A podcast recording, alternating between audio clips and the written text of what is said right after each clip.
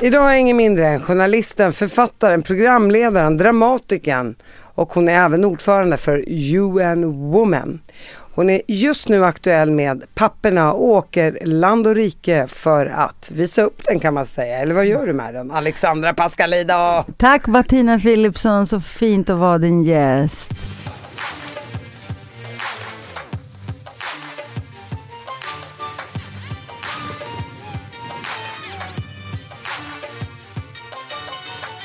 Nej men jag eh, reser land och rike runt som du säger för att tala om min senaste bok Var är papporna? Om de frånvarande papporna eller om söner som har växt upp med frånvarande pappor. För vi vet ju att det är en riskfaktor. Vi vet att majoriteten av männen som sitter i fängelse, som hamnar i knark och kriminalitet har just frånvarande pappor.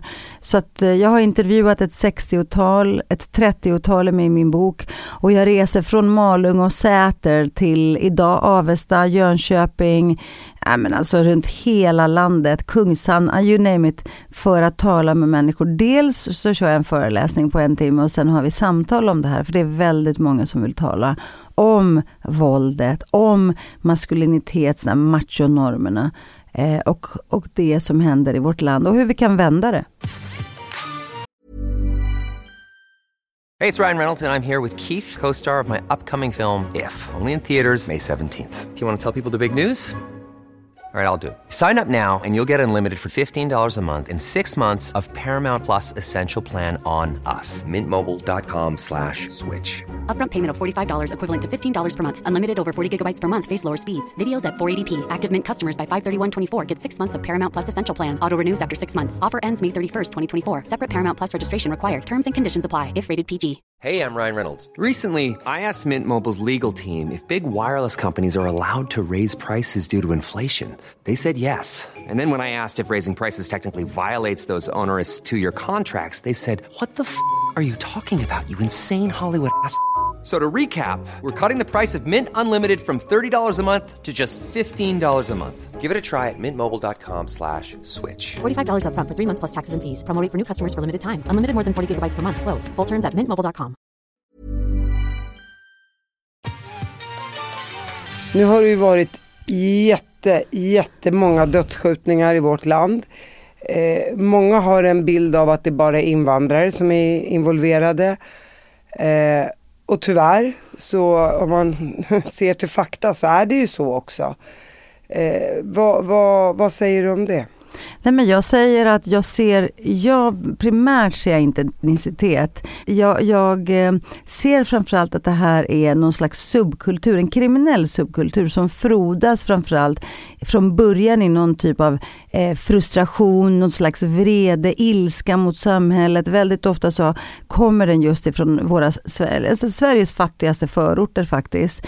Där ungar i väldigt tidig ålder, inte ungar, unga killar, en liten klick unga killar som är starkt överrepresenterade ska vi säga, eh, börjar begå brott istället för att kämpa. Och runt omkring sig, jag har ju träffat väldigt många av de här, runt omkring sig så ser de eh, sina föräldrar eller andra människor som jobbar och sliter i städbranschen, inom vården, för brödsmulor, som aldrig någonsin kan få ett vettigt jobb, som aldrig har råd att resa. Medan de själva vill ta liksom någon slags genväg till glamour och någon slags statusfyllt liv för att kunna köpa Gucci-keps och becknarväska från Prada eller vad det nu är. Så att då, då, då, står det någon jävel, ursäkta att jag svär, och viftar med tusenlappar eh, utanför porten när de vet att de knappt kan få jobb. Eh, och så har det här tillåtits växa allt starkare. Och jag tillhör ju de som i 28 år sedan jag klev in i den här offentligheten i Sverige i, i tv-rutan så har jag alltid varnat och larmat om segregationen. Och det har bara blivit värre och det känns som att man har talat för döva öron. Jag har liksom sagt att det är inte rimligt att jag växte upp i Rinkeby, i en av Sveriges fattigaste förorter och knappt nästan aldrig mötte etniska svenskar i min vardag. Och det borde vara en mänsklig rättighet om man bor i Sverige att man får träffa minst en svensk som typ firar midsommar eller käkar, eh, vad heter de här, raggmunk eller vad heter de? Förstår du? Nej men något sånt där. Eh, men nej, de har bara låtit det bli värre helt enkelt. Och, och då är det inte konstigt att sådana här subkulturer helt enkelt frodas. Så att jag känner eh, frustration, jag känner förtvivlan, jag är väldigt förbannad på politiker, på makthavarna som faktiskt har låtit det gå så här långt. Och givetvis på de här jävla gärningsmännen. Jag tänkte säga det, det är lätt att säga ta seden dit du kommer men vet man inte ens om man firar midsommarafton så blir det ju svårt. Och man måste ju på något sätt integrera människor. Exakt. Och på den här bron måste man ju mötas på mitten. Man kan ju inte bara låta någon gå över bron så vet man inte, även om det är en rak sträcka över bron så att säga, så är det svårt att ta sig över den om man inte får hjälp över på andra sidan. Nej men exakt och du vet ju det är jättebra att du tar upp en bro för att det var ju nyligen, det var inte så länge sedan som politiker slogs för att man skulle eh, stänga bron mellan Rinkeby och Ursvik för att de sa att de inte ville ha kriminella ungdomar där. Alltså så långt har segregationen gått, så långt, höga har de här murarna blivit att man helt och hållet vill mura in människor istället för att se till att bryta den. Så att jag, och, och, och jag tänker att integration, jag var, var och föreläste i Eskilstuna nu för alla i kommunen om integration. Det är egentligen som en tango. Alltså det krävs ju två för att man ska kunna integrera sig. Min pappa städade i 45-50 år i Sverige, 45 år. Och han, menar, tror du att han någonsin fick prata svenska på sitt städjobb? Han städade natt, han städade med folk från hela världen. Det var ju aldrig någon som bjöd in honom till något knytkalas eller någon sill och potatislunch. Eh, då är det ju väldigt svårt att anamma, som du säger, de här svenska sederna och bruken. Och nu har ju du och jag, vi är ju privilegierade, vi är liksom lyckligt lottade, vi lever ett bättre liv så vi kanske nu har jag ju fått lite svenska kompisar, men du ska ju inte tro att det är någon kö för att få ut mig till midsommarfiranden. Alltså fortfarande än idag så kan jag inte säga att jag får jättemycket inbjudningar eh, till sådana såna här svenska traditionella firanden. Så det är svårt att komma in. Jag får bjuda med dig syrran nästa år. Eller precis, men det kan man lita på för du är så otroligt bjussig. Jag vet inte riktigt förstå om du är snittsvensk i det avseendet. Men jag tänker ändå så här, du växte upp på 70-talet i Sverige. Eh, och jag, vi, vi kom hit 78 och då var det inte så mycket invandrare i Sverige. Jo man hade ju finnar och greker Mm. och arbetskraftsinvandringen inom det. Så jag är ju uppvuxen med svenskar också. Sen när jag började högstadiet i ett annat område, då blixtrade det ju till. För då jag började, från att ha gått från en klass med kanske tre svenskar med invandrarbakgrund så kom jag till en klass med, där det var eh, tre svenskar. Etniska svenskar, så det gick ju väldigt fort tvärtom. liksom. Ja. Så att jag har ändå alltid haft svenskar i mitt liv. Men jag håller med, den svenska kulturen är inte så inbjudande. Sen är ju jag försvenskat såklart. Och så här, vi växte också upp liksom med föräldrar som gick på socialbidrag och så vidare och du växte upp med en pappa som knappt kunde språket. Men vi har ju ändå lyckats ta oss igenom det här och tagit oss framåt och ändå sett våra eh, vad säger man när man, ja, vi har ändå vuxit upp i det här och sett våra chanser i livet som vi kan ta. Och jag bara undrar, varför kan inte många av de här barnens föräldrar säga, men vänta här, vi bor i Sverige, jag vet att det är svårt, vi bor i ett segregerat område, men det är ändå gratis skola, det är ändå gratis mat i skolan. Ni kan lyckas om ni bara ger järnet. Vi är för gamla, men ni måste vara våran stolthet. Var någonstans går det fel? Mm.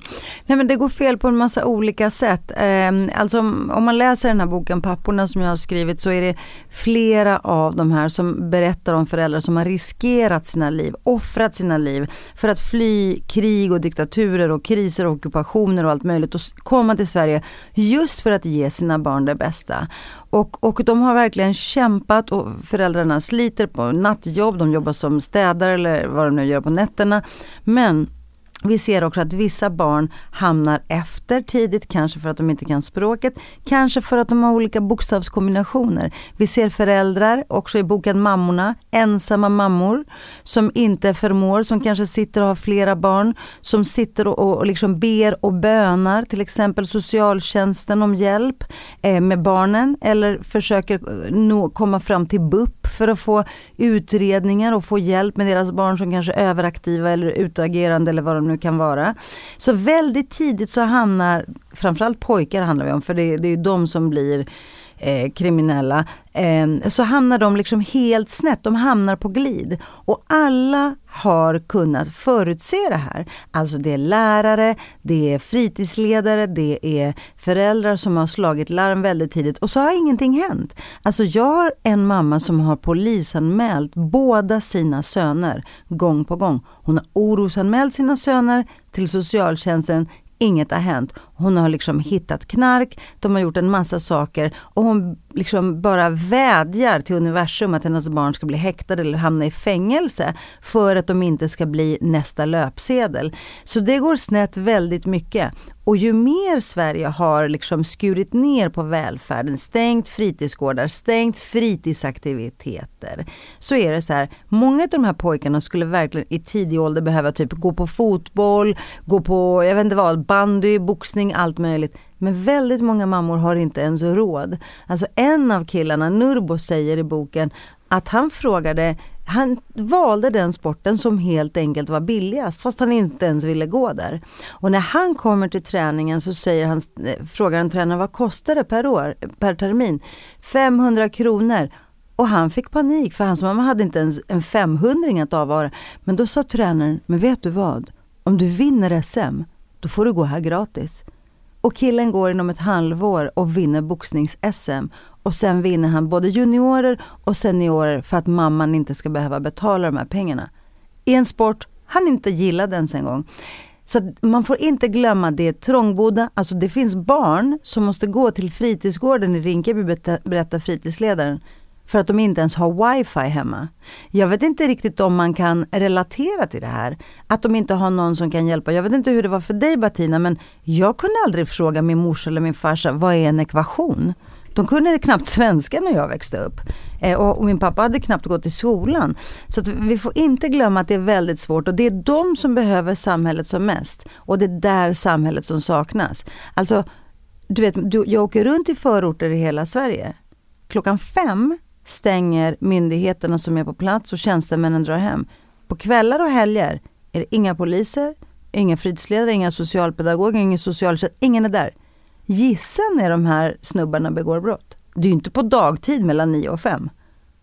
Så att hela samhället har typ backat och, och retirerat från, från de här förorterna och jag tror att det är en av anledningarna. Och det säger ju alla forskare, alltså det är socioekonomiskt, det handlar om klass, det handlar om utanförskap men också att man bygger ett parallellsamhälle, någon slags maffialiknande organisation.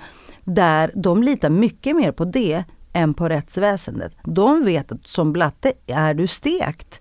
Du är diskriminerad, du är liksom osynliggjord, åsidosatt. Äh, då är det så här, ge samhället fingret och sen försöker de tjäna pengar. Och jag blir förbannad på dem för att de är så fruktansvärt egoistiska förutom att de är fruktansvärt giriga, de här kriminella. Alltså de tänker bara på att fylla sina fickor. Men de förstör ju för sina familjer, sina grannar, sina förorter och alla oss blattar i hela Sverige när de skämmer ut oss på det här sättet och leder till någon slags stigmatisering. Och man får inte glömma att det är sån liten klick men de både syns och hörs. Jag menar, det är bara de som syns och hörs för att majoriteten i alla förorter, majoriteten av invandrarna faktiskt jobbar i någon slags, eh, inom äldrevården, i lågavlönade, enkla arbeten och gör alla skitjobb. Men de är inte med i tidningen. Det är ingen som säger tack Ahmed för att du städade här idag igen. Utan de enda som ständigt är i tidningen det är de här jävla liksom, kriminella. Eh, och det är en sån här gangsterglamour och alla vill ju bara läsa om crime och true crime egentligen. Så det handlar också om vad vi efterfrågar och konsumerar. Och, och så blir det lite ironiskt när våra barn på Östermalm sitter och lyssnar på all den här gangstermusiken och, men lyssna på låten, ja. det här är deras verklighet. Exakt, det här är deras verklighet som de klär i liksom ord och musik. Och jag tänkte så här, det är så lustigt när vissa läser min bok, jag blir så irriterad när de säger så här, ja det är ju bara invandrare med i din bok. Nej det är det inte. Vad är det du har missat? Kent Andersson är där och Johnny Roos är där. Och flera av de här är liksom, har morsor som är svenskar. Det är också intressant att även om du har etniska vita svenska män så är det som att folk inte ser det. De vill bara se blattar. Men så det jag vill säga det är så här, Johnny Han hade två farsor som liksom den ena söp ihjäl sig, den andra knarkade ihjäl sig och åkte in och ut i fängelse. Det är ju samma sak med, med svenskar som blir, blir kriminella. De kommer från i princip samma förutsättningar.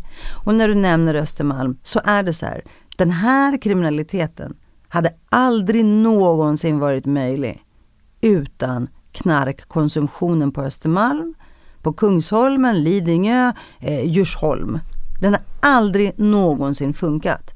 Och det är enda gången som de här kriminella snubbarna från orten får träffa överklasskillar. Det är när de kommer med sina knarkleveranser. Om vi går tillbaka till det här nu då. Du pratade om att man har dragit tillbaka fritidsgårdar och man har stängt ner fritidsgårdar, man har stängt ner all verksamhet. Det är ju så sant. För att när jag växte upp då på 90-talet, då hade vi en teatergrupp, det fanns närpolis, det fanns fältsekreterare som blev kompisar med alla ungdomar. Mm. När jag växte upp på 80-talet, 90-talet så hade vi kommunala musikskolan. Man kunde spela gratis instrument, dansa jazzbalett. Det hade ni säkert också. Jag, jag kommer inte ihåg just det, mm. men jag vet just det här med att det fanns väldigt mycket aktiviteter på eftermiddagarna. Och det där har ju successivt bara blivit sämre och sämre och man har, man, man har eh, eh, som man, man kallar det för, man, man, har skurit ner för att man har inte råd. Och det vet jag, för jag spelade teater hela högstadiet och hela gymnasiet. Och sen vet jag att efter det så skulle vi sätta upp en pjäs. Men den pjäsen blev aldrig av för att kommunen valde att ta tillbaka de pengarna de hade bidragit med. För de hade inte råd längre. Okej, okay, liksom, det har väl gått bra för mig ändå men det drabbade ju 20, 40, 50 andra människor. En miljon, vad kostar det inte bara att sätta en person i finkan per dag? Ja, ja. Alltså, hur Exakt. tänker man? Ja. Frågetecken, utropstecken. Precis. Och det här var ju, det, det fanns ett engagemang du vet också som jag tänker liksom från människor som, som jobbar med eh, men det är som när en... man är eldsjälar. Ah, alltså det, fanns, det fanns så mycket eldsjälar, folk jobbade ju gratis och man ville någonting på 80-90-talet. Och just teater är en fantastisk bearbetning. En pappa i min bok, Var är papporna, vet du vad han säger? Alla kriminella vill bli skådisar. Alltså de har ju, det är väldigt mycket, ja, kanske, kanske är några narcissister, men alltså han sa det, hade det funnits i deras förorter så hade de kanske valt andra vägar. Eh, och nu, nu menar inte jag att teater ska bota kriminaliteten, men jag tror att ett utbud, att fler liksom möjligheter behöver eh, presenteras de här barnen. Och det vi ser också har hänt när jag växte upp i Rinkeby, det var ju liksom inte alls så mycket så här religiösa och etniska enklaver. Nu det enda som finns kvar det är några källarmoskéer. Det är klart att folk blir mer troende när de ser att de inte kan ha förtroende för ett samhälle, inte hoppas på någonting, det finns ingenting annat. Nej men det är klart att de går till moskén. Och det här berättar också flera om, hur de liksom vänder sig till Gud. Eh, vilket är liksom också ganska talande. Ja men det, det, det är ju så är det ju i hela världen. Fattiga är ju mer troende för att på något sätt, ja. det är ett sätt att ta sig framåt i livet. Precis, och, och hoppas som liv. en bit bröd och ett liv efter döden som kanske är lite mer paradisiskt perfekt. Jag, jag tittade på TV4-nyheterna häromdagen och då var det Evin Settin, tror jag hon heter, mm. som nu har skrivit en bok och säger det. Hon, hon sa det så, så bra tycker jag. För hon eh, hon blev frågad om att kriminaliteten har gått ner i så mycket unga åldrar. Och då sa hon det, de här barnen blir ju groomade och de har ju inget konsekvenstänk.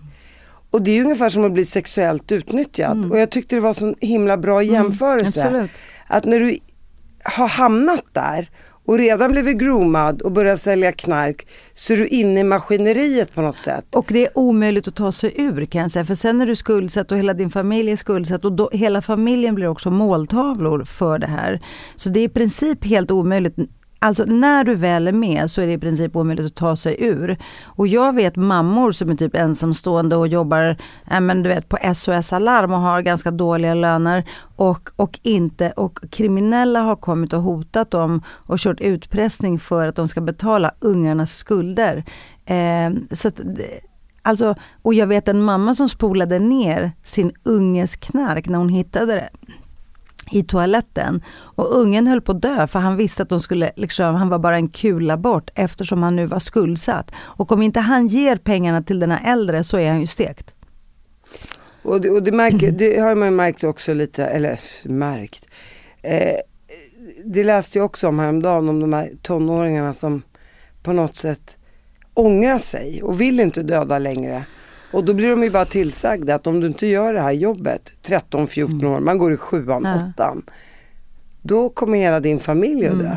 Precis, nej men exakt och jag har ju en pappa som är mitt i, som, är, eh, som håller på med sånt här och han, har, han berättar om hur han hanterar sina yngre och att man inte kan vara snäll mot dem. Men, men det jag också vet är att väl, i väldigt ung ålder så börjar de liksom dels knarka själva men också äta tramadol. Tramadol är ju väldigt, väldigt utspritt i de här kretsarna. De stänger ju av alla känslor. Eh, så det är också därför som de kan liksom skjuta vem som helst och är helt fullkomligt avtrubbade. Och frågan är så här, jag skulle vilja fråga, eh, var kommer alla dessa tramadol ifrån? Vem i Sverige skriver ut så här mycket tramadol? Var kommer alla vapen ifrån och var kommer allt detta knark ifrån? Vad gör tullen? Vad gör polisen? Eh, alltså förstår du, det liksom finns ett, ett sånt enormt flöde. Någonstans borde det här samhället kunna stoppa det flödet. Ja, de, de kommer, alltså vadå, vapenleveranserna, de kommer väl över bron eller via, eh, mm. från Tyskland in i Sverige. Ja. Alltså man vet ju var de här linjerna ja, går Men någonstans. gränspoliserna då? Jag har ingen aning, ja, vad det, tror du? Nej men, nej men jag vet att, jag menar att vi borde ha striktare, alltså vi behöver effektivisera hela rättsapparaten. Vi behöver se till att flera grips, att färre ärenden läggs ner, att flera hamnar i fängelser och får sina straff. Alltså det kan inte vara så att på 15 mord i Järva så är det ett som blir löst. Det, kan, det, är inte bra facit. Och det visar också människorna och det är det som också är min vinkel. Jag har ju en helt egen take på hela den här frågan. Ända sedan jag började jobba med den här frågan aktivt 2015. De senaste åtta åren. Det är nämligen att människovärdet varierar. Alltså när ett, ett, ett, jag säger blatte och alla som vet förstår vad jag menar. Alltså ett barn, vi kan vara eh, svenskar, vi kan vara vad som helst men vi betraktas som blattar. Okej, okay? vi är rasifierade. När ett blattebarn mördas då utgår ifrån alla ifrån att det måste ha varit någon kriminell. Oavsett om ungen jobbade extra inom äldrevården eller ville bli datatekniker. Okej, okay? men det är också så här, det väcker inte samma eh, liksom medlidande och medkänsla och ramaskri och mobiliseringar. Medan om vi ser en liten flicka som heter Engla eller Linnea, då är det nämligen, åh vad var det som hände, det här är fruktansvärt. Eh, och, och, när ett blattebarn mördas då frågar alla så här, men var är papporna, var är mammorna, vad gör föräldrarna, är de helt eh, eh odugliga? Det säger man aldrig när ett vitt svenskt barn mördas. Vad gjorde hennes morsa? Hur kunde hon låta sitt barn cykla ensam i en skog? Vi skulle aldrig någonsin skuldbelägga ett offer. Men här, då skuldbelägger vi inte bara offrens mamma och pappa, utan hela alla invandrare, hela förorter och så vidare. Plötsligt ska alla bära skulden, vilket är fruktansvärt. Så att jag menar att det finns, det här, det som händer med alla de här skjutningarna, det säger väldigt mycket. Det är väldigt avslöjande om vår tid. Men det säger också, väldigt många jag pratar om menar på allvar att rättssamhället, polisen låter det här ske. Att låt dem döda varandra. Självsanering har ju till och med någon polis kallat det hela. Och man menar att det är därför man inte griper, det är därför man inte fäller, det är därför man inte fängslar. Tror du att det är så? Jag vill, jag vill bara förmedla den teorin som finns där ute. För de säger så här, de säger det här i min bok. Det kan inte vara så att man griper en polis som har blivit mördad i Bergsjön i Göteborg. Man griper mördaren på 17 timmar. Och här har man hundratals fall som bara har lagts ner. I min SVT-serie på SVT Play finns en sju delar, så är det Mammorna i våldets skugga heter den. Där är det mammor som har förlorat sina barn i dödsskjutningar. Majoriteten av dem har inte ens fått komma till rättegång. Deras barn har mördats. Alltså Robin, 15 år, sköts mitt på dagen klockan ett utanför sin port. Ingen har ens gripit. Cold case kallar de det. Marley samma sak. Eh, alltså så många sådana fall. Och då menar jag så här, men ta in hjälp internationellt. Ta in, ta hjälp liksom från andra gränspoliser, tillsätt en haverikommission, en kriskommission, ta in de bästa. Alltså det måste Ja, ja men om du, om du pratar om änglamordet, det hade ju heller inte löst ifall inte de här fotograferna eller de här turisterna hade stått och råkat fota den här bilen. om vi ska ta änglafallet ja. också. Så att, jag, jag hör vad du säger och det kanske finns en sanning i det. Men det är ju inte att jobba produktivt för problemet är att när de här börjar skjuta varandra, det är ju bara att titta nu på kurdiska räven och Ismail Abdo. Vad som händer är ju att, ha nu har han skjutit ihjäl morsan, sett till så att mamman har dött. Nu är det ju världskrig. Såklart. Så nu kommer ju 20-30 andra dö på kuppen ja, på grund av en mamma. Ja. Och när du dödar ytterligare 20-30 så finns det ytterligare poten 100 potentiella mördare. Nej, men absolut. Men, så det här men, blir ju ingen självsanering, det här blir ett världskrig. Nej, men, nej, men det, förstår du mig? Jag förstår dig verkligen men, men vi säger samma sak. Problemet är att så länge inte de här grips så kan det här kriget pågå. Ja, det kommer ju det eskalera. Precis, så det är därför de borde ha börjat gripa dem betydligt tidigare. Jag vet så många, och jag pratar också med poliser som också är väldigt frustrerade. De säger att vi griper dem och de släpps. Det är liksom åklagarmyndigheten som brister, det är rättegången, det är vet inte vad. Men vet du vad det här ger för intryck? Det ger ett intryck att de kriminella har vunnit i vårt samhälle. Så är det. Att de har övertaget, att de kan dribbla bort våra poliser och vårt rättsväsende. Och jag blir, alltså jag blir så beklämd så jag vet inte vad jag ska säga. Jag har haft poliser och de säger det är ju katt och råtta-lek. Och så är det de här straffrabatterna och så fångas de och de känner sig yes, här har vi fångat honom.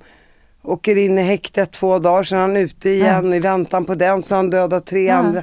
Alltså det är, det är ju rena rama liksom. Nej men jag vet och sen så får de vänta i flera år på sina ja. domar. Och, och, och liksom, nej jag vet inte, jag tycker bara att det är, alltså det, det, krävs verkligen. Jag har sagt det så många gånger sedan jag började arbeta med det här. Det krävs en haverikommission. bara, i år, bara i år ja, har, nej förlåt ja, 47 personer mördats och det är september. Observera, mm. det är liksom 45 eller 47 personer mördats på öppen gata. Då räknar inte jag så arbetsplatsolyckor, någon stackare som blir klämd på bageriet som jobbar som bagare. Utan jag räknar med det skjutvapenvåldet, det dödliga våldet på gatorna.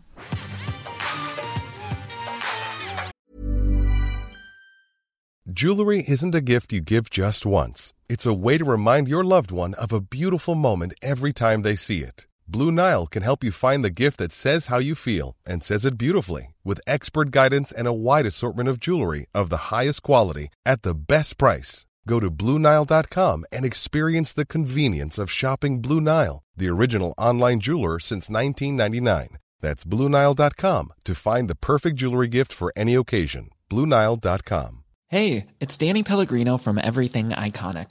Ready to upgrade your style game without blowing your budget? Check out Quince. They've got all the good stuff shirts and polos, activewear, and fine leather goods, all at 50 to 80% less than other high end brands.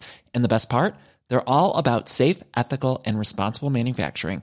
Get that luxury vibe without the luxury price tag. Hit up quince.com slash upgrade for free shipping and 365 day returns on your next order. That's quince.com slash upgrade.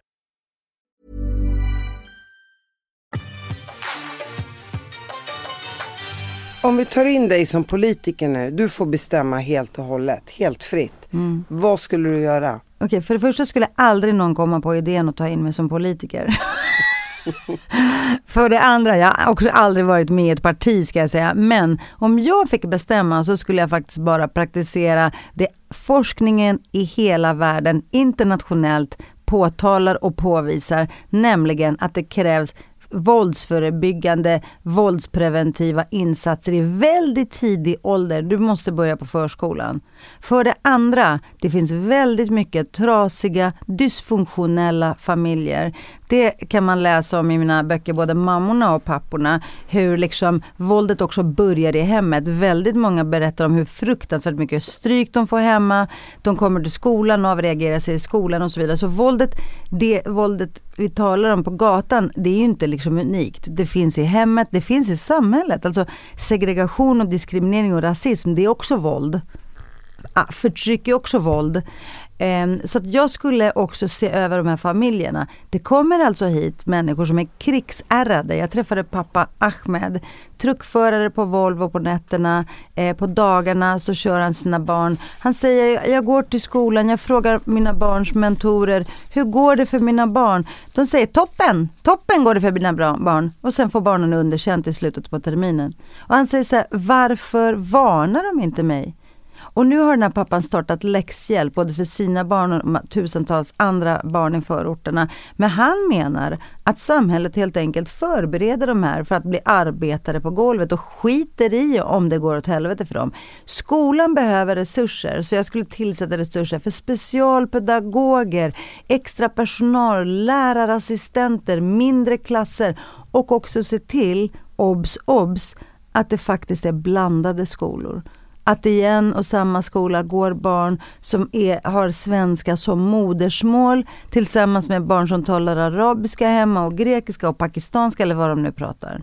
Det är jätteviktigt om man ska växa upp i det här samhället. Att man inte växer upp i ett parallellsamhälle. Så jag skulle börja där. Jag skulle liksom börja se över hemmet, stärka socialtjänst, stärka skolan, vården och sen så också läsa till att fängelser och kriminalvård också arbetar inte bara med att expandera fängelser utan också arbetar med pappagrupper, med mansnormer, med liksom olika typer av terapier. För de här killarna, vi får inte glömma att de snart kommer komma ut igen. De, det är inte så att vi, liksom, att de, vi sätter dem i fängelse och sen så kastar vi nycklarna. De kommer ju komma ut igen och då är frågan, kommer de få ett jobb? Jag skulle också arbeta mycket mer mot rasism och diskriminering. Jag träffade en kille, han fick inte ett jobb eh, för att han hade ringa narkotikabrott. Han hade sålt en joint. Han är stekt för livet, han är 19 år. Vad tror du det är för dörr som finns öppen för den här killen? Det är bara kriminalitetens dörr. Det där är så sant och jag, jag kan säga så här. Han ville grilla hamburgare. Han får inte ens göra det. Jag, jag pratade med en kille häromdagen som hade Mariana på sig för något år sedan och det stod med i registret och hej och Han söker jobb överallt. Men det är som ett rött kryss för de går in och kollar papper. Han bara, det spelar ingen roll. Jag känner mig rökt. Mm, exakt. Så här, vänta. Och då är det lite Mariana vi mm. pratar om, det som är legaliserat mm. liksom mm. mm. andra halvan av liksom jordklotet. Han har inte dödat någon, han har inte Nej. Inte våldtagit någon. Han har inte våldtagit Inte rånat folk. Ringa narkotika. Ja, han har rökt en joint. Exakt, ge honom ett jävla jobb Exakt. för fan. Och jag menar att, alltså det är helt otroligt. Det, och, och då har du en så många unga som förringar narkotikabrott, inte får en chans, inte ens lagerarbete. Okej? Okay? Eh, och då undrar jag så här, vad kommer hända när Vårbynätverket kommer ut från fängelset? Kommer arbetsmarknaden stå där med öppna armar? Eller kommer de här vara hänvisade till att börja sälja knark igen eller vapen eller vad de nu ska sälja? Men så är det ju. Så att jag skulle, som du märker, så om jag någonsin skulle bli politiker skulle jag ha fullt upp. Men jag skulle liksom verkligen börja med att liksom eh, rusta ett samhälle där människor inte behöver begå brott, där det finns alternativ, ett samhälle som är mycket rättvist och meritokratiskt och öppet. Och de här barnen behöver se föräldrar som också har ett jobb att gå till. Nej men alltså samhället är ju också väldigt, väldigt hårt för alla oss som avviker från normen, som på olika sätt är annorlunda. Eh, även om jag har högre utbildning, högre meriter, så får ju inte jag de jobb jag söker. Och ser att de går till svenskar som är blonda och blåögda. Du också? Nej men absolut. Som vad då? Och men, ta bara en sån här tv-serie som Mammon är våldets skugga. Det tog mig fem år att få in den. Hade jag hetat eh, Kattis eller Karina eller vad som helst, då hade jag säkert fått in den här för att det är livsviktig och högaktuell serie. Jag hade säkert fått in den på tre sekunder. Eh, eller tre veckor i alla fall. Eh, och, och, det kan vara alla möjliga sorters jobb, det vet vi mycket väl. Eh, och, och, till exempel osynliggörande. Nu skrev ju jag i maj, kom min bok om de frånvarande papporna. Eh, och nu har några svenska män, etniskt svenska män skrivit om sina pappor. Eh, plötsligt så står det att eh, höstens litteraturtrend är böcker om frånvarande pappor. Men då glömmer de nämna mig. Fast jag var först med att skriva, fast jag har 30 pappor som berättar om exakt det här. Och jag skriver också givetvis om min pappa som var både missbrukare och misshandlade oss. Eh, men, men, men förstår du, det här osynliggörandet, det finns en underliggande diskriminering som alla ser. Folk är inte dumma i huvudet. Vi måste vara dubbelt eller tre gånger så bra för att få ungefär samma chanser. Och det här, de kriminella är inte helt blåsta. Nej, de, De- är ju supersmarta. Nej men de må vara kräk, de må vara, ha en fruktansvärd människosyn. de är entreprenörer fast på fel sida av lagen. Exakt så. Men de ser hur samhället ser ut. De ser samhällets hierarkier, de vet status och de vet att de också liksom är stekta. De kanske inte heller pallar. Jag har haft många som har sagt, jaha kolla på dig då, du har studerat på universitetet i fyra år och vad får du? Och vad händer med dig? Du får kämpa som en idiot för att få ett jobb. Tror du att jag vill göra det? Jag behöver inte plugga. De behöver, tycker inte de behöver anstränga sig för att köra en fin bil och bo i en fin lägenhet eller vad det nu är. Så att vårt samhälle ger fel signaler. Kan du skylla någonting på föräldrarna? Nej men det är klart jag kan, det är därför jag skriver de här böckerna. Så det är... Det är både samhället och Ja, föräldrar- föräldraskapet. Nej men alltså det, det handlar inte om att skylla på, det handlar om att det finns olika orsaker till att vi har hamnat där vi har hamnat. En av anledningarna till att jag skriver en bok som heter Mammorna med 21 mammor och en, en bok som heter Var är papporna med 30 pappor är att jag just försöker förstå vad har ni för ansvar? Vad tar ni på er för skuld? Och de är ju otroligt modiga och rannsakar sig själva och, och säger saker som verkligen är både skamliga eh, och, och, och liksom inte särskilt smickrande. Förstår Som du? vad då?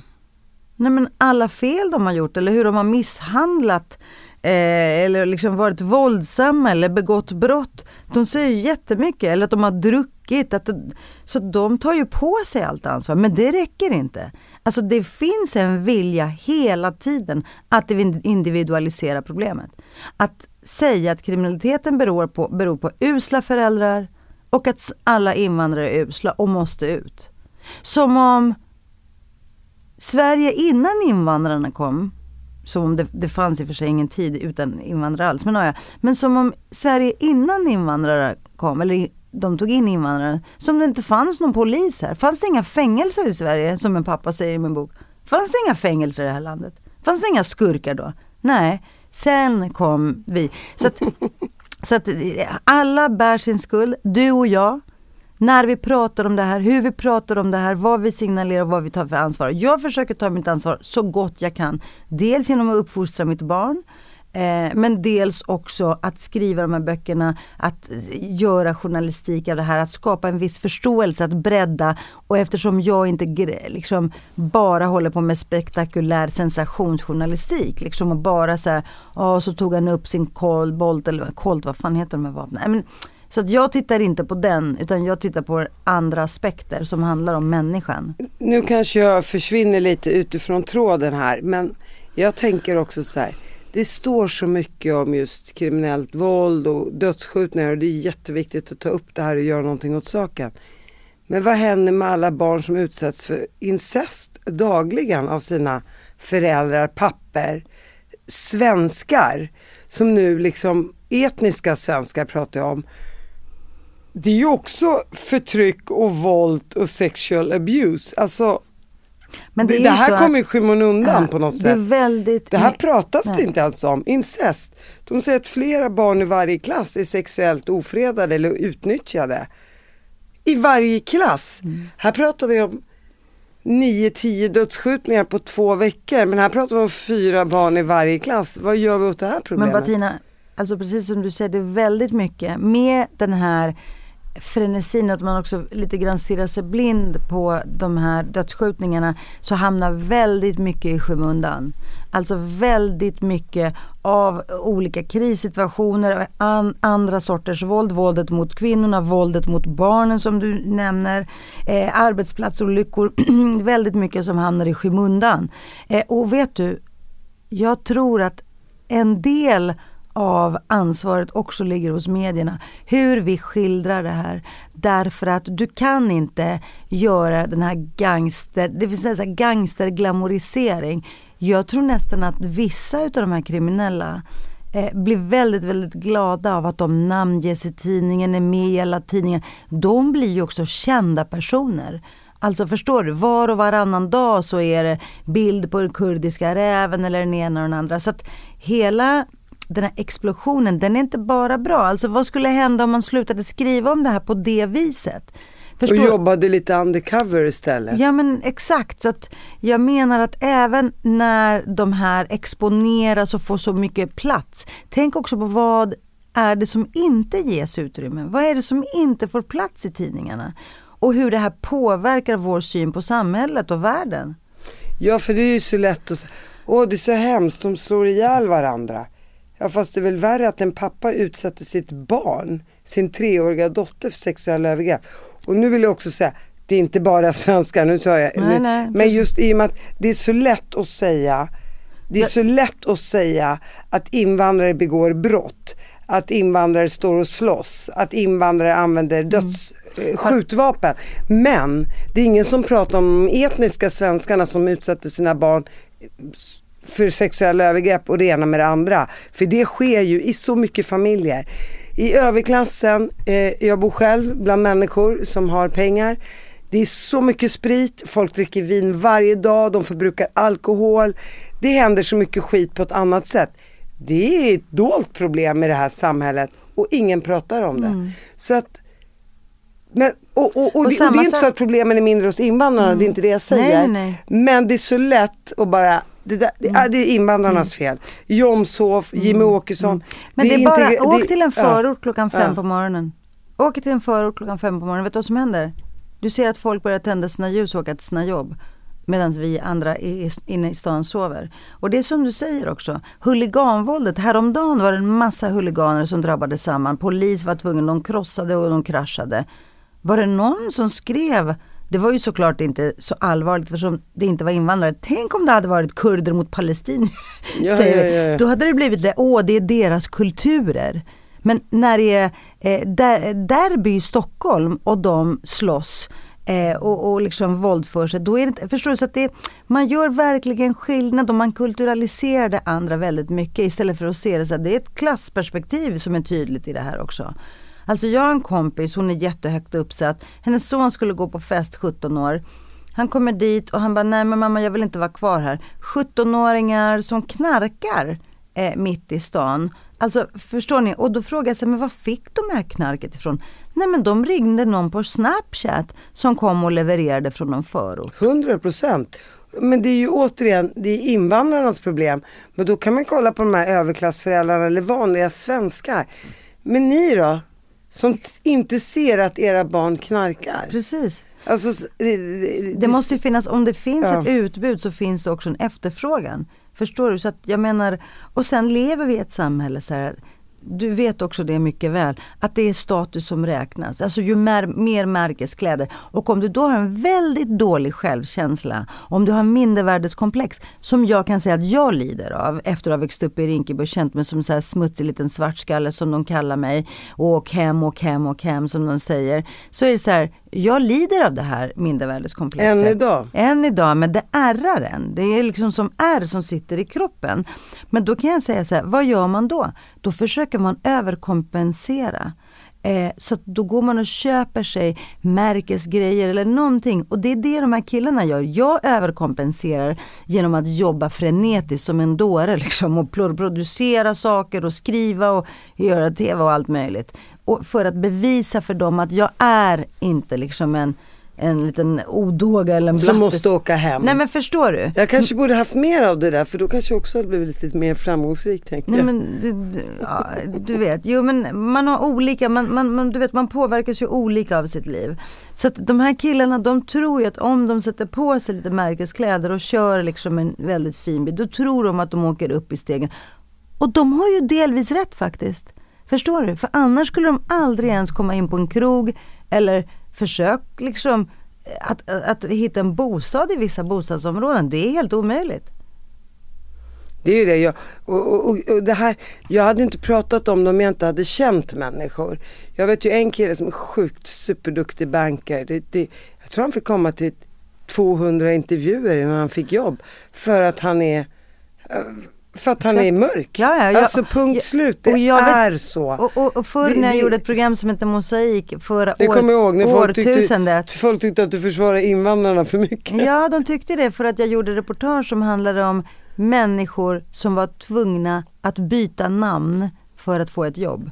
Det kan jag säga, det är så många iranier som har gjort det. Väldigt många och inte bara iranier. Nej, men alltså jag, många känner, jag känner personligen allt ifrån mm, polacker till alla möjliga som har varit tvungna att byta namn och så fort de har bytt namn så har de fått komma upp på eh, jobbintervjuer. Och, och, och när man gör program om diskriminering då tycker folk att man försvarar men diskriminering är verkligen ett sår eh, som också splittrar samhället. Så att de sakerna är jag glad att vi tar upp här idag för att väldigt många som jag träffar säger att det här aldrig tas upp.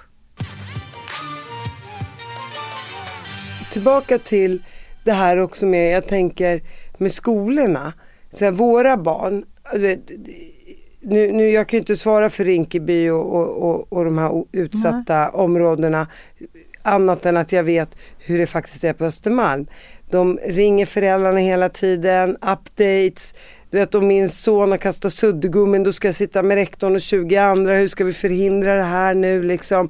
Minsta lilla som jag nästan kan tycka är så här. Vänta ska jag behöva komma upp för att någon kastar ett suddgummi? Och så tänk, alltså Så är det kan jag, inte säga, kan jag säga inte i förorterna. Nej, Man har en menar. enorm tolerans och ett enormt överseende. Ja, ja, ja. Man ser barn som kommer till skolan hungriga, trötta, sömnlösa eh, och man orosanmäler inte. Det är väldigt många, både lärare som säger att om jag skulle orosanmäla, då skulle jag orosanmäla hela klassen. Så det gör man inte. Så det finns liksom en annan tolerans eh, för det här. Eller att de står ut på något sätt. Eller man tänker sig att barnen i förorten får tåla lite mer. Ja, ja, ja, det är så här det ser ut. Och att det också inte finns resurser. Och att också de så stackars eh, människorna som jobbar på socialtjänsten går på knäna. Alltså bokstavligt talat. Alltså det är så otroligt tufft. Medan en liten avvikelse här eh, inne i stan såklart får konsekvenser och det är jättebra. För då rycker du om din son har kastat ett suddgummi, då rycker du in och kanske skäller ut honom. nej, jag, bara, jag tycker nästan det är lite roligt. Ja, ja.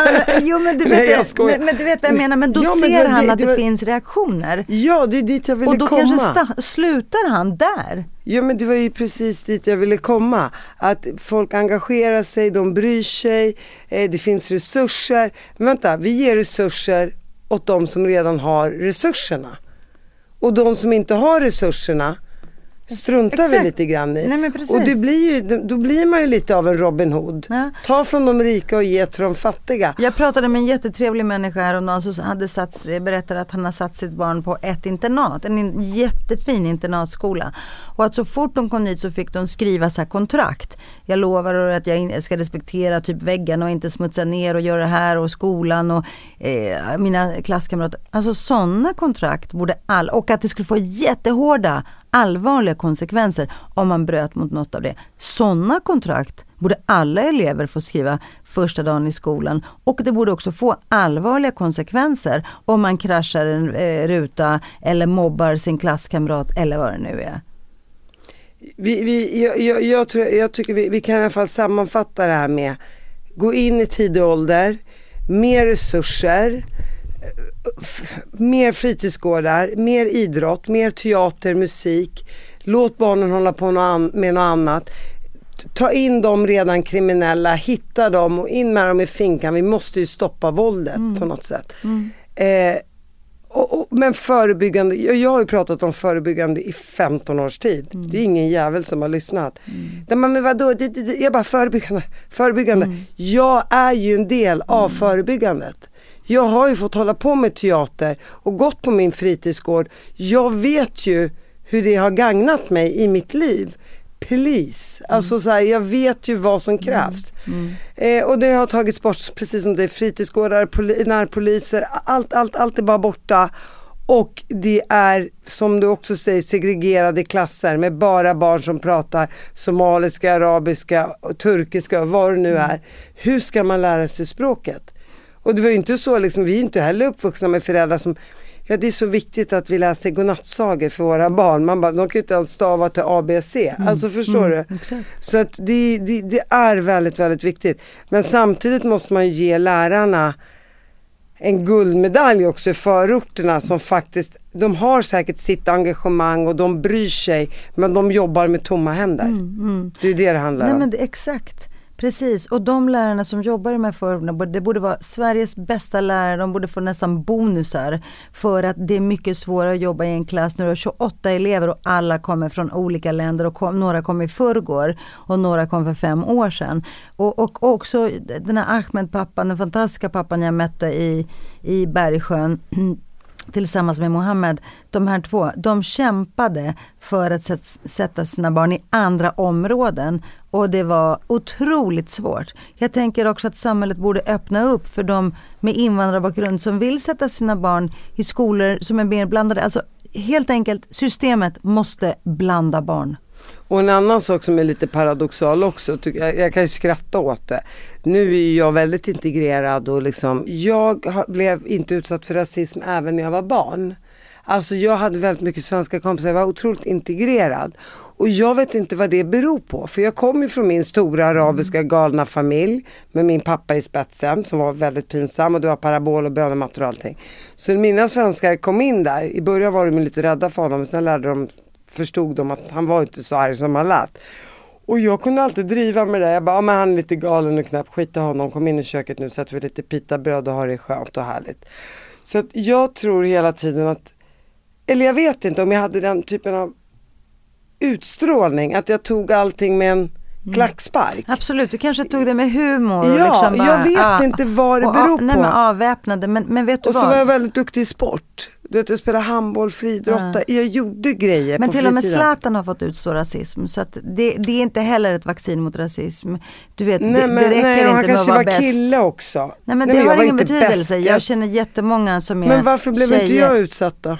Nej men så kan man inte säga när det handlar om rasism. Man kan inte säga, man kan säga att du drog en vinstlott i livet, att du hade tur kan man säga. Men man kan inte säga, jo jag vet inte om jag, om jag ska säga att du är så här fantastisk så ingen vågade utsätta dig. Du vet vad jag menar, men det går inte att säga. Det finns väldigt många som är utsatta för rasism, men det är inte deras fel. Nej, det, är- självklart. nej men det är som att säga, Vet vad jag åh, tror? nej men vänta Ja, jag måste bara ja, få ta en ja. Mm. liknelse, det är jätteviktigt det här. Det är som att säga så här, åh jag är kvinna men jag har aldrig blivit utsatt för rasism, så ras- sexism finns inte. Det är samma sak, vissa kvinnor blir utsatta för våldtäkter, sexism, sexuellt våld. Andra blir inte det. Vi kanske, några har tur, några har otur. Men det finns där ändå. Och, och det handlar inte om hur du är som kvinna. Jag ska kunna gå i min bikini på Stureplan eller djup urringning utan att någon jävel våldtar mig. Och på samma sätt, jag ska kunna vara blatte och se ut hur som helst. Jag behöver inte ens vara bra på sport och ska slippa rasism. Du har helt rätt. Jag, jag bara försöker tänka, tänka ändå. Då tänker jag så här, man, man bestämmer ju inte i vilken familj man föds, man bestämmer ju inte, det är klart, blir du utsatt för saker i ditt hem, misshandel, sexuella övergrepp, du, du, kan, du, du kan ha en sån skitstart i livet och det präglar ju resten av ditt liv, självklart. Eh, jag försökte bara tänka tillbaka på min mamma, eh, som du vet, trots att jag bodde kanske en arabisk kulturell familj så var det ändå så här, du är bäst, du är vackrast, du är finast, halalalala, hon var otroligt liberal. Och jag tror kanske att det också gjorde att jag fick det där självförtroendet, Nej, den där självkänslan. har, du har en solid självkänsla. Det är det det du har en självkänsla. om. Jag har aldrig hört min mamma säga att jag var snygg eller smart eller bäst eller något. Jo det var jag inte, det vill jag Nej men, nej, verkligen nej, men, tillägga. nej, men Jag alltså, var- jag menar, det fick inte jag Nej, höra hemma. fast du var jag, det. Nej jag var inte det. Men jag fick också stryk hemma. Och jag hade en pappa som var full. Så jag växte upp trasigt. Jag kan tänka mig att om jag hade växt upp med din mamma och hade fått sådär bra självförtroende, då tror jag att det är lättare att lyfta ifrån sig. Ja, både självförtroende och självkänsla. Om du vet liksom, förstår du, att du sen, du sen barnsben har fått höra allt detta. Det är ju fantastiskt. Jag tror att det är ett vaccin mot väldigt mycket. Det, det, och det är dit jag vill komma tror jag, så att jag kanske inte riktigt har hört eller sett om någon har gjort någonting. För jag tror bara så att det hade runnit av mig som vatten på en gås. Precis, och det är fantastiskt. Så vi kanske Förstår ska- du? ja. Precis, och jag tror också att man kan, man kan ta vissa saker med humor, men andra saker är svåra att ta om det gör för ont. Liksom. Och jag känner så här, jag kan inte säga heller till unga människor, så, här, äh, skaka av det. Jag brukar säga det, äh, skit i det, vad fan. Jag brukar säga så här, bevisa dem att de har fel genom att överträffa alla deras förväntningar. Bli bäst. Bli bäst på svenska, bli bäst på din sport, bli bäst på jobbet. Men vet du, det är också ganska utmattande. Förstår du Ja. vad jag menar? Men, men, Nej, och återigen, det är så himla lätt att säga till en pojke eller en flicka som har alkoholiserade föräldrar, som får stryk hemma, som får höra hur dålig man är, att faktiskt få en bra självkänsla. Kommer man ut i samhället, det lyser om en att man har dålig självkänsla och så blir man pucklad på av samhället också.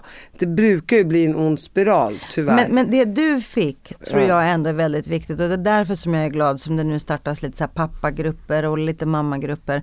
Därför att det här, den här självkänslan får man ju väldigt mycket hemifrån. Alltså den här tryggheten i sig själv.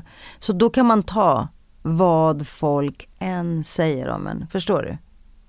Vad är din bild av mig? Det, nej men Så ska jag säga tycker att min du är, bild av dig. Nej men alltså du är en väldigt, väldigt varm, generös, lite smågalen. Alltså smågalen på ett positivt sätt. Inte så att du är psykiskt sjuk och borde låsas in på närmaste mentalsjukhus. Det vet man. Eh, nej men alltså galen så här på det härliga sättet. Man vet aldrig vad som kommer härnäst eller vad du ska säga. Eh, och, och sen att du har en otroligt bra självkänsla och, och självförtroende. Jag har svårt att skilja på det. Eh, också för att du är liksom en väldigt snygg, du känner alla, du är liksom eh, är, är så här elegant, alltid cool. Så att det är min syn. Men också att du samtidigt så ser jag de få gångerna vi har mötts att du har ändå ett eh, rättspatos. Att du förstår när någonting är orättvist och att du inte drar dig för att nämna det även i sammanhang där det kanske inte är politiskt korrekt eller kosher. Förstår du? Alltså, jag har ju hört Ja, det dig finns en säga- Alexandra i mig. Ja, nej men alltså jag har hört det också bland väldigt fina människor nämna liksom, ja men det kan vara något om mänskliga rättigheter eller något. Och det beundrar jag dig för väldigt mycket måste jag säga. För, det, för din röst behö, behövs i de kretsarna där du finns och få andra kan komma in. Och sen är du väldigt inbjudande och inkluderande, vilket vi måste vara. Vi som har kommit innanför dörren, alltså jag tror att man måste vara, eller jag känner så, eh, lite inkluderande, lite inbjudande och du är väldigt generös på det sättet. Och generös också med att du väldigt ofta så här, bjuder andra, du bjuder på dina känslor och sen gör du också, är du väldigt bra på att göra liksom nästan narr av dig själv. Du har en så här självdistans, att du har humor. Jag vill bara säga om dig då Alexandra. Mm. Om du säger att jag är en röst så vill jag ju säga det med dig. Du som har fått utstå så mycket rasism, hot, dödshot och du stå, sitter här i min stol och fortfarande kämpar och sliter och försöker få samhället att inse vad vi ska göra för att vi alla faktiskt i det här landet ska få ett bättre liv, ett mer tryggt samhälle. Och du ger inte upp. Sen fattar jag med din uppväxt, det har varit tufft och så vidare, men och, och, och att du har haft väldigt många motgångar. Men varje motgång upplever jag också, ser du som en utmaning och bara, men det här ska jag liksom klara av och det, och det är bara en sån styrka i sig. Och att du, att du vågar. Tack för att du vågar, för att jag, jag beundrar dig för det. Mm, tack snälla, jag måste bara läsa ett mail Mm. för dig. Jag har väldigt svårt att ta, till, ta åt mig beröm och det är den här bristande självkänslan du vet. Att när någon säger något snällt om mig, då, då har jag svårt att ta emot det. Jag försökte precis bygga upp den. Jag vet, jag vet, du är fantastisk. Men jag ska bara läsa, jag fick det här fick jag mejlet idag. Är du kvar i Sverige? Från Mikael Lind. Är du kvar i Sverige? Du skulle återvända om SD fick inflytande. Dra till Blåkulla nu. Och sen är det någon annan, idag skriver jag liksom en, en artikel kan du, kan, vem är Mikael Lind? Jag vet inte. Eh, Men- men kan du nej, dra- men det är någon som tycker att jag ska åka hem varje dag Ja, jag mejla drar till mig. Blåkulla. Ja, han tycker jag ska dra till Blåkulla. Men, men jag menar här att... Mikael Lind inte fattar är att du gör ett bättre samhälle för Mikael Lind också. Ja, jag vet det, sjutton. Men eh, och någon annan skriver så här, idag har jag skrivit en krönika i Göteborgs-Posten och då är det så här, gå in och läs kommentarer, kommentarerna din jävla sopa och åk hem. Och jag känner bara så här, snälla, alla ni som lyssnar på Batinas program och kanske har skrivit ett eller två sådana här Alltså, bara lägg ner. Jag kommer inte att åka hem. Det här är mitt hem. Jag stortrivs här och jag kommer göra allt jag kan någonsin tillsammans med andra. Och tack Batina för din inbjudan. För att göra det här landet bättre, det här samhället snällare helt enkelt. Jag måste bara säga en sak. och jag vet att du håller med mig här. Man måste förena människor. Man får inte splittra. Det är splittringen som gör att det blir ett vi mot dem samhälle. Och när man skapar ett vi mot dem samhälle, skolgården, skolan, i landet, inom religioner, kulturen. Skapa ett vi mot dem samhälle skapar bara problem, utanförskap, eh, misshandel, våld, krig splittring är det sista vi ska hålla på med. Och jag hoppas att människor är mer intelligenta än så, att inte förstå att, att, en, att, att, att det vore bättre med någon annan väg mm. än att förena. Mm. Det enda jag ska hälsa om Ulf Kristersson lyssnar på ditt program, vilket han givetvis gör, är att jag hoppas att han på väg till New York läser Var är papporna? Eh, därför att jag har till och med med en amerikansk pappa som var med i Svarta Pantrarna, som berättar om sin uppväxt, som satt i fängelse i 25 år och sen eh, så blev hans son mördad, skjuten. Eh, och han lär oss väldigt, väldigt mycket för USA ligger långt före oss i många avseenden, på gott och på ont ska jag säga. Men där finns det och skulle politikerna lyssna lite mer på de här mammorna och papporna som, som eh, låter sig intervjuas och tala eh, i, i mina böcker så tror jag att de skulle fatta väldigt mycket och inte ens skulle behöva resa faktiskt. Tack för att du kom hit Alexandra. Tack Bettina för att du jobbar på. Ja, kämpar. Kämpar.